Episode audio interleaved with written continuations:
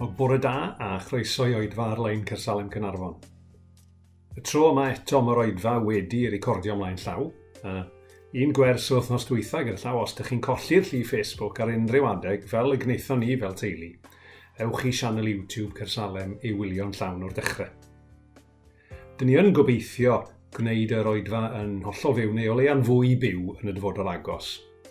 Ond rwy'n ofni uh, bod ni'n byw tu allan i Benegroes yng nghanol cae a fedrwn ni ddim dibynnu digon ar ansawdd y we i fentro gwneud hynny'r tro yma. Dyn ni ddim eisiau i bawb gofio roedfa, jyst yma pethau technegol ath yma anghywir.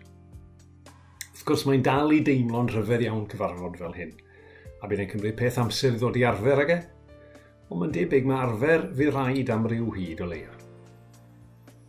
Lle bod angen i ni feddwl am gwestiynau bach ysgafn fatha a ddylwn ni newid fy majamas cyn y gwasanaeth rhyw fersiwn newydd o ddillad parch O hefyd wrth gwrs, mae yna lot o gwestiynau llawer mwy pwysig i ni feddwl dan nhw dros yr wythnosau nesaf. Ond, peth i gofio yn hyn yw, er bod yn amgylchiadau ni wedi newid, ac yn newid fwy a fwy, tydi diw ddim yn newid. Fel mae'n deud yn llyfr Ezeia, trystiwch yr arglwydd bob amser, achos wir mae'r arglwydd yn graig am byth. Dewch i ni gael can nawr.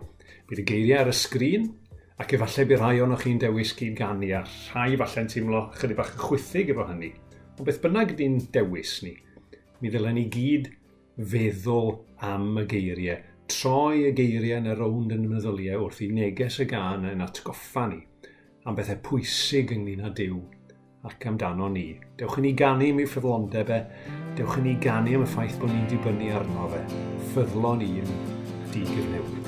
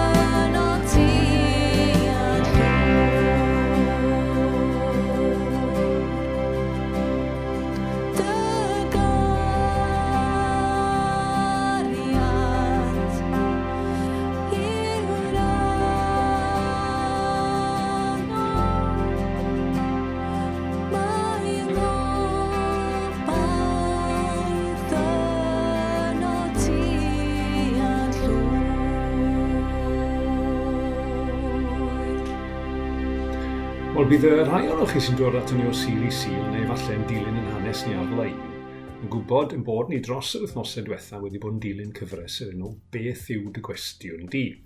Lle dyn ni'n ceisio ateb cwestiynau mae pobl wedi bod yn ei gofyn a ceisio eu ateb nhw ar sawl be mae'r Beibl yn ddeud. A mae hynny oherwydd yn bod ni fel Cresnogion yn credu bod yr atebion i bob cwestiwn neu o leiaf ddechrau'r ateb i bob cwestiwn o bwys i'w gael yn y Beibl fel mae'n digwydd yn yn cynlluniau prif eirys ni, a mae gwahaniaethau yn does rhwng cynlluniau prif eirws a be dyn ni'n neud nawr. Ond yn y cynlluniau hynny, fi oedd ar y rhestr i brygethu'r bore yma pryn bynnag, a'r cwestiwn roeddwn i fod i ymateb iddo fe oedd, ydy Cresnogaeth jyst yn crutch i bobl wan? Mae'n gwestiwn neu'n honiad sy'n cael ei wneud gan rai ac mae'n ddiddorol hefyd meddwl beth sy'n tu nôl i'r cwestiwn rhyw awgrym yn bod ni gyd i fod yn grif am bod ni gyd i fod yn annibynnol. Yn hanesyddol, mae hwnna wedi bod yn wir amdano ni yn y gorllewin, lle mae fwy o bwyslais ar yr unigolyn, edrych ar ôl yn hunain yn gyntaf ac yn y blaen. Pethau mae'n debyg y bydd rhaid ni i dad ddysgu nhw yn ystod cyfnod y feirws. A gobeithio byddwn ni'n cofio rai o'r pethau yma wedyn ni pan fydd yr argyfwng wedi pasio. Pethau syml fel bod yn gymdogol a meddwl am rai gwannach na ni. Felly dewch i ni feddwl bore yma am beth yw bod yn gryf, a beth yw bod yn wan. A beth gan y Beibl i ddeud am hynny? Fe rai o'n chi'n gwybod, er mwyn trio cael chydig o audience participation, fe wnaethon ni osod cwestiwn ar Facebook yn ystod yr wythnos, yn gofyn i bobl nodi beth sydd yn ei gwneud iddyn nhw deimlo'n wan, neu'n gwneud iddyn nhw deimlo'n gryf, a sut mae'r pethau hynny yn gwneud iddyn nhw deimlo wedyn ni. Ond cyn gwneud hynny, dyn ni eisiau restyn croeso cynnes arbennig i'r plant. Blant, mae'n dda gael chi'n ymuno â ni. Gobeithio, uh, newch chi fwynhau yr oedfa a fydd y gyfle i chi'n ei gwaith gyda'ch gilydd maes o law. Beth am gannu can gyda'n gilydd a gwneud chydig o symudiadau hefyd. A i atgoffa'n gilydd bod y Beibl yn dweud fod Dyw yn ddiw cryf sydd gyda ni. Mae'n teulu yn ddiw mor fawr diw ni yn ddiw mor fawr. Mae diw ni yn ddiw mor fawr. Mae'n dal ni yn ei law. Mae'n uwch na phob adeilad tal Mae'n ddyfnach na symr un. Mae chetach na'r bydysawd mawr. Ddiwn tîm reiddwy di Mae'n fy nabod, mae'n fy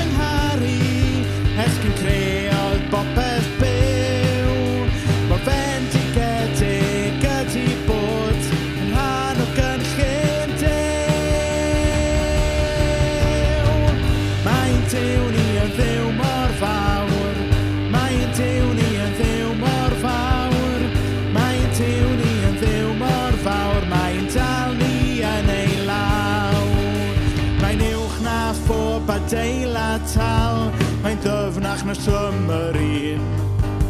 Mae'n lletach na'r bydysawd mawr a thiwn ti'n reiddwy ti. Mae'n fy nabod, mae'n fy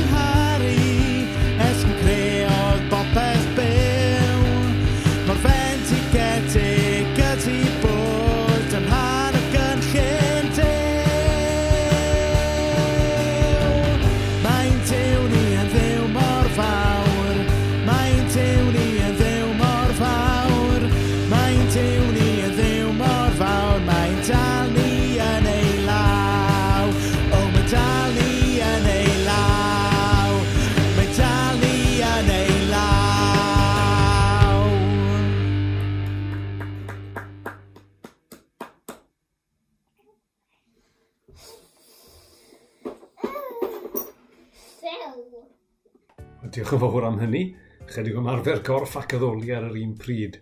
Gwych. Uh, chydig o waith cartref i bawb nawr, blant. Um, Ond y neges ar y sgrin ar ddechrau'r oedfa'n deud i chi gael darn o bapur a pethau lliwio ar gael. Gobeithio bod nhw gynnoch chi.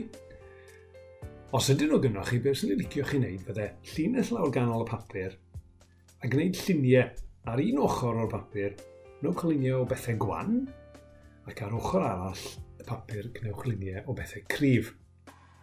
Os wnewch chi wneud un am y gweddill o'r gwasanaeth, a fydd e ddim yn wasanaeth hir, byddai mewn gret tys chi'n postio nhw ar Facebook wedyn ni, i ni gael rhannu uh, beth ydych chi wedi wneud gyda pawb ar ôl yr oedfa.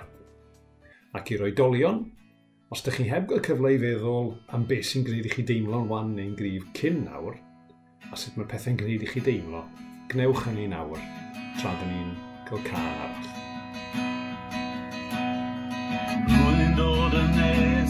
dyfyn i erioed. Er gweithaf y methiant mae croeso i mi.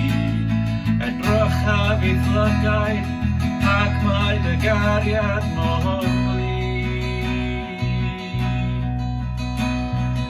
Nes ac yn nes y rwy ti am fy ngwael Ath gariad o'n amgylch mae'n halon yn rhyw Ti'n symud fy o'n I come the Mady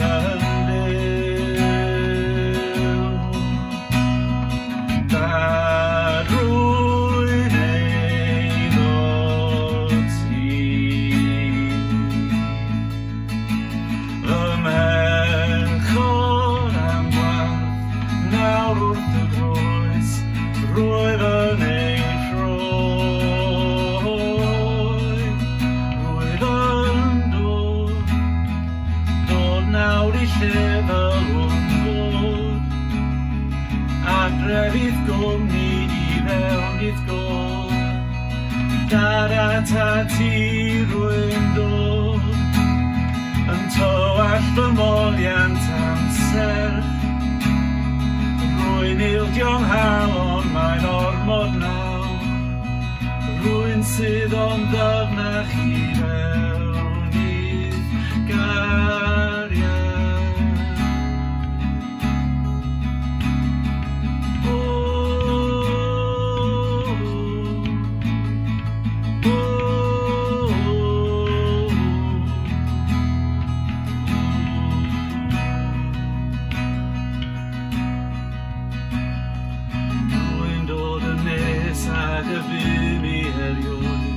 Er gweithaf y methiant mae croeso i mi. Edrych grychaf i fflygau ac mae dy gariad mor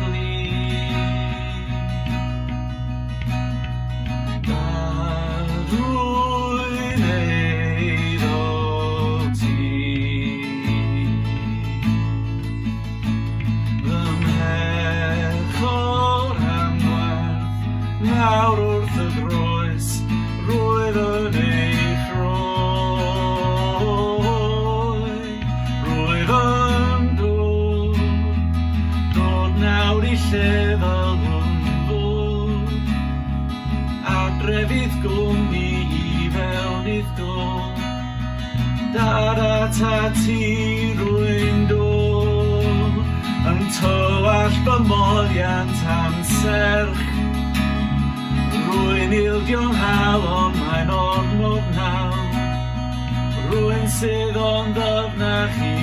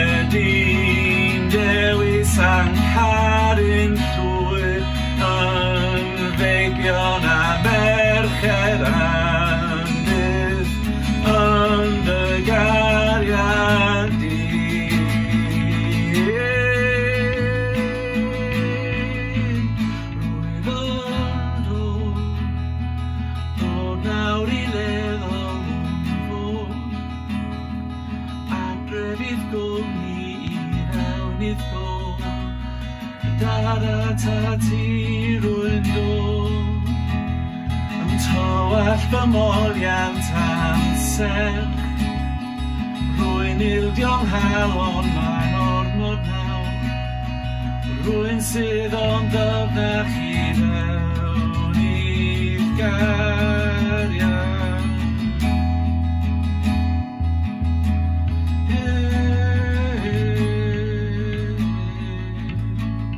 Wel, bore da. Gobeithio bod chi'n mwynhau y gwasanaeth bore yma. Diolch fawr iawn i Arwel am baratoi y gwasanaeth i ni. Mae gennau jyst tri cyhoeddiad sydyn. Um, y cynta yw jyst i groesawu unrhyw un sydd yn gwylio sydd ddim yn rhan o deulu Cersalem fel arfer. Os ydych chi'n byw yng Ngharnarfon neu'r ardal, yna mae'n gret bod chi'n gallu ymuno gyda ni a pan fyddwn ni yn ailgydio mewn pethau yn y capel dydd syl ar ôl i'r feirws yma basio, yna mae croeso cynnes i chi barhau ddod i addoli gyda ni a cysylltu gyda ni fel eglwys. I bobl eraill sydd yn cysylltu ac yn gwylio hwn sydd ddim yn byw yn lleol yng Nghernarfon, yna da ni'n falch iawn bod chi'n tiwnio mewn ac yn mwynhau, ond byddwn ni yn annog chi i chwilio am gymuned a cysylltiad gyda eglwysu sydd yn lleol i chi. Un peth ydy gwylio oedfa a canu ymynau ar YouTube, ond i fod yn eglwys go iawn, mae'n bwysig bod chi'n cael cymuned, cael cymdeithas a plygio mewn efo dilynwyr eraill Iesu yn yr ardal le chi yn byw.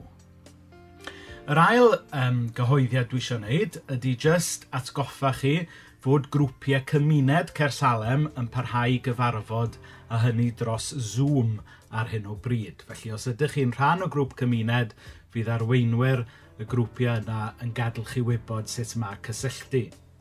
Ond dwi'n ymwybodol hefyd fod nifer o deulu Cersalem ddim fel arfer yn rhan o grŵp cymuned. A i ni eisiau wneud yn siŵr bod ni yn cefnogi chi a rhoi cyfle i chi e, sgwrsio a plygio mewn i, i deulu Cersalem yn ystod y cyfnod yma hefyd. Felly, os oes yna alw, mi fyddwn ni yn um, cychwyn um, grŵp Zoom i bobl sydd ddim fel arfer falle yn rhan o grŵp cymuned. Felly, os oes diddordeb gyda chi fod yn rhan o'r sgwrs yna a plygio mewn i hynna, yna plis cysylltwch gyda fi a newn ni drefnu amser i chi lle mae yn gyfleus. A wedyn y cyhoeddiad ola, um, sef cyhoeddiad reit drist mewn gwirionedd, um, ond eto nid heb obaith, yw cyhoeddi fod Joan Hughes wedi marw wythnos yma. Mae Joan wedi bod yn un o hoelion wyth Gersalem ers degawdau ac yn dipyn o gymeriad o gwmpas tre Cernarfon. Wel, buodd hi farw yn dawel ac yn heddychlon yng Nghartref Foelas Llanrug nos Fawrth a i ni naturiol yn drist a mi fyddwn ni'n gweld eisiau Joan. Ond os gwrs, i ni'n ffarwelio mewn gobaith, achos i ni'n gwybod am ei ffydd cryf a sicr hi yn Iesu Grist, ac i ni'n gwybod nawr bod hi'n mwynhau heddwch a llawenydd gyda Iesu i gwaredwr. Oherwydd amgylchiadau feirws yn anffodus bydd dim modd i ni drefnu angladd cyhoeddus i Joan – ond mi fydd yna wasanaeth syml ar lan y bedd i nifer cyfyngedig yn unig um, dydd iau yma sydd yn dod. Felly cofiwch um, a diolchwch i ddew am fywyd Joan. Um, I ni'n gobeithio cyhoeddi rhai teamgedau yma ar y we dros yr wythnos nesaf. Um, a wedyn maes o law ar ôl i'r feirws basio, gobeithio gallwn ni drefnu rhyw wasanaeth diolchgarwch am ei bywyd a'i gwaith. Felly dyna ni. Nôl at y gwasanaeth a phob bendith i chi gyd. Lyc penod 5, dechrau darllen yn adnod 27. Hanes galw lefi. Ar ôl hyn, aeth Iesu allan a gwelodd un oedd yn casglu trethu rifain, dyn o'r enw Lefi, yn eistedd yn y swyddfa dochau lle roedd yn gweithio. Tyrd, dilyn fi, meddai Iesu wrtho. A dyma Lefi'n codi ar unwaith, gadael popeth a mynd ar ei ôl. Dyma Lefi yn trefnu parti mawr i Iesu yn ei dŷ, ac roedd criw mawr o ddynion oedd yn casglu trethu i'r ifain a phobl eraill yn o'n bwyta gyda nhw. Ond dyma'r phariseaid a'i harbenigwyr nhw yn y gyfraith yn cwyno i'w ddisgyblion. Pam dych chi'n bwyta ac yfed gyda'r bradwyr sy'n casglu trethu i'r ifain a phobl eraill sydd ddim byd ond pechaduriaid – Dyma Iesu'n ei hateb nhw. Dim pobl iach sydd angen meddyg, ond pobl sy'n sal. Dwi wedi dod i alw pechaduriaid i droi at ddew, dim y rhai sy'n meddwl eu bod nhw heb fai. Wel, diolch i chi am feddwl am y pethau yna sy'n gwneud i ni deimlo'n wan neu'n gryf, a gobeithio hefyd bod y plant wrth i'n brysur yn gwneud lluniau i'r i ni gael ei gweld nhw ar ôl yr oedfa. Cyn i ni droi at y pwyntiau mae pobl wedi gwneud ar Facebook mewn ymateb i'n cais ni, dewch yn i edrych ar yr hanes yn y darlleniad. Yn y stori mae Iesu'n gwahodd un person ato fe, ond mewn gwirionedd mae'n gwneud llawer mwy na hynny. Mae'n deud sut mae dod ato fe. Oedd Iesu newydd erbyn gwahoddiad gan Matthew neu Lefi i'w di a o, dyna gymeriad, gamgymeriad oedd hwnnw. Ddim dyma'r math o bobl y dylai iddew parchus fod cymysgu â nhw. Oedd hwn the lowest of the low. Yn un oedd yn cydweithio gyda'r ifeinwyr ac yn waith na hynny, roedd e'n twyllo ac yn elwa o'r peth. Ond roedd rhywbeth wedi digwydd i Matthew pan siaradodd Iesu gydag e. Roedd wedi sylweddoli i fod e mewn angen, i fod e'n wan, yn sal, a'i fod e angen cwmni Iesu yn ei fywyd ond oedd pawb ddim yn gweld hynny. Oedd y pharisiaid yn dweud, pam ydych chi'n bwyta gyfed gyda'r bradwyr sy'n casglu trethu i'r ifain a phobl eraill sy'n ddim byd ond pechaduried. Ond beth oedd ateb Iesu iddyn nhw? Grandwch ar y geiriau. Dim pobl iach sydd angen meddyg, ond pobl sy'n sal. Dwi wedi dod i alw pechaduriaid i droi at ddiw dim y rhai sy'n meddwl eu bod nhw heb fai. A mae hynny'n wych. Mae'n ateb byrniadaeth y bobl oedd yn cwyno amdano fe. Ond mae hefyd yn ei herio nhw. Mae'n deud mewn gwirionedd. Os ydych chi'n meddwl eich bod chi'n iawn, yn gryf, ddim yn wan, yn sal neu mewn angen, os ydych chi'n meddwl eich bod chi'n iawn, does gan Iesu ddim byd i ddeud wrthoch chi. Dewch chi'n i gyd feddwl yn dawel nawr am yn gwendidau ni. Dwi'n gyfarwydd iawn a rhai mannau gwan yn fy mywyd i a dwi'n siŵr bod yna lawer fwy o, o reid yn ni dwi ddim yn ymwybodol ohonyn nhw. Beth am i ni gyd gau yn llygyd a meddwl am hynny tra'n gwrando ar chydig o gerddoriaeth.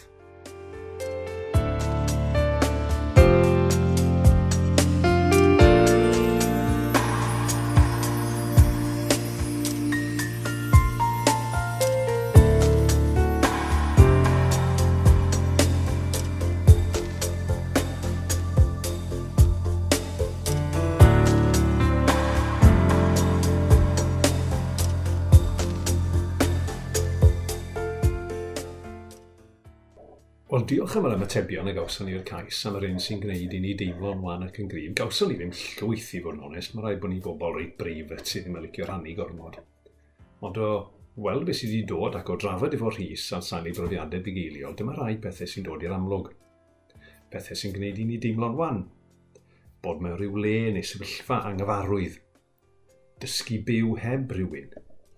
Wynebu tasg dych chi'n anghyfarwydd ac yn ddi brofiad yno profi unigrwydd, colli swydd neu sicrwydd ariannol, a pethau materol dyn ni'n dibynnu arno yn diflannu. O ran pethau sy'n gwneud i ni deimlo'n grif wedyn, bod mewn rhyw le neu sefyllfa sydd yn gyfarwydd. Gwneud rhywbeth lle mae'n doni yn naturiol ni yn syrthio naturiol. Profi cwmni da, cael dyrchafiad, a hefyd cryfder mewn ffydd. O edrych ar rai o'r pwyntiau hyn, y patrwm yn awgrymu hun, yn amlwg, mae yna bethau sy'n gwneud i ni deimlo'n fach ac yn ddirym pan mae bethau tu hwnt i'n rheolaeth ni. Pethau digwydd i ni. A mae hyn yn arbennig o wir pan ni'n colli pethau yn gwmpas ni sy'n yn helpu ni i deimlo'n ddiogel. A mae hefyd yn wir, mae'n siŵr yn bod ni gyd yn teimlo'n wannach nawr nag oedd ni fus yn ôl. Mae yna lot o wahaniaethau mewn cymdeithas, ond mae rai peth yn yn gosod ni ar yr un lefel ac mae'r feirws yma dyn ni'n wynebu ar hyn y bryd yn un ohonyn nhw cwestiwn yw, lle dyn ni'n troi pan dyn ni'n gweld hynny? Dwi am wneud clasic move pregethwr nawr a dyfynu emyn, ond mae gen i esgus, achos dafliad carreg i'r cyfeiriad yna uh, o'r ffenest, mae um, Eglwys Clynog Fawr. Ac yno mae Ebenezer Thomas neu Eben Fardd wedi gladdu. Ac yn ei emyn enwog o fy Iesu bendigedig mae pennill sy'n darllen fel hyn. Pwyso'r bore ar fy nheulu, colli'r rheini y prynhawn, pwyso eilwaith ar gyfeillion, hwythain colli'n fian iawn. Pwyso ar hawddfyd, hwnnw'n siglo, profi'n fian newid byd. Pwyso ar Iesu, dyma gryfder sydd yn dal y pwysau i gyd. Be sy'n gynnon ni fan hyn yw nid rhyw farddoniaeth neis i neis neu rhywun yn trafod theori, profiad go iawn, dyn o ffydd a gollodd ei wraig, tri o'i blant ac un o'i wyrion i gyd mewn cyfnod o bum mlynedd cyn sgwennu'r emyn. Dyn yn profi colled a gwendid yn cydnabod hynny ac yn troi at Iesu. Just un nodyn wrth basio gyda llaw, os oes gynnwch chi amser a fel sonies i o'r blaen, mae gynnon ni gyd chydig bach fwy o amser nawr Ewch ar YouTube a chwiliwch am Emyr James yn arwen oedfa Eglwys Efengelaidd Cyrdydd ddydd sy'n diwetha. Tua 13 munud i fewn mae E. Wyn James yn dadansoddi geiriau'r emyn yn fendigedig ac mae werth i wylio. Fel eben fardd, y cwestiwn dyn ni gyd angen gofyn heddiw, ac efallai fod e'n fwy real heddiw nag erioed, yw pan mae pethau diogel dyn ni'n dibynnu arnyn nhw yn siglo, pa mor wan dyn ni'n teimlo wedyn ni. I fi yn bersonol, dath ni'n real iawn i mi pan y coleg. Wrth i fi fynd yn fwy ac yn fwy rwystredig, yn ffrustrated, nad oeddwn ni'r person yr oeddwn ni eisiau bod, ac yn waith na hynny mod i'n methu'n lân a newid fy hun. Pan ddes i wyneb yn wyneb â hynny, roedd yn rhaid i mi droi at ddiw a dweud yn syml iawn, arglwydd rwy'n wan, helpa fi. Yn ddiddorol, roedd un o'r atebion a gafodd ei anfon i fewn yn nodi cyn dod i gredu bod y person yma yn rhy ofnus i gyfaddau i bod nhw'n wan. Ond ers dod i nabod Iesu bod nhw wedi dysgu bod dim angen bod yn gryf ar y pen yn hunain, ond bod nhw'n medru pwyso ar fugail oedden ni cynnal. Profiad eben fardd a profiad rhywun yn 2020. Felly, ydy Cresnogaeth jyst yn crutch i bobl wan? Be ydych chi'n feddwl? Mae angen crutch ar rhywun sydd wedi torri goes. Be fyddwn ni'n deud wrth rhywun sydd wedi'i brifo ac yn wan ac yn gwrthod help? Cwestiwn i'n cyfnod ni yw, fel mae pethau saff a diogel o'n cwmpas ni'n edrych yn simson ac yn wan, pwy ohono ni sydd ddim yn gweld yn gwendid yn hunain?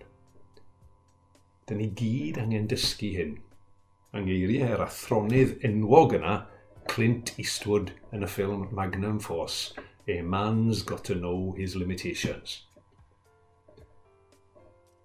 Be di'n limitations ni? Be di'r pethau dyn ni'n stryglo efo fe? Be di'r pethau dyn ni'n teimlo'n wan yna fe? Os oes na bethau dyn ni'n teimlo'n wan yna fe, mi fedrwn ni estyn at ddiw. Wrth gwrs, dyn ni ddim bob amser yn sylweddoli yn gwendidau. Dyn ni'n adeiladu pethau o'n cwmpas ni i wneud i ni deimlo'n gryf. Ond weithiau, bob yn un a hyn, dyn ni angen gweld hynny a dyn ni angen gweld yn hangen ac o weld yn hangen, gweld bod yna gyfle, gweld bod yna obaith. Dewch yn ei oedi am chydig nawr a meddwl mae'r hyn ddudodd Iesu sy'n cynnig y gobaith yna. Dim pobl iach sydd angen meddyg, ond pobl sal, dwi wedi dod i alw pechaduriaid i droi at ddiw. Dim y rhai sy'n meddwl eu bod nhw heb fai.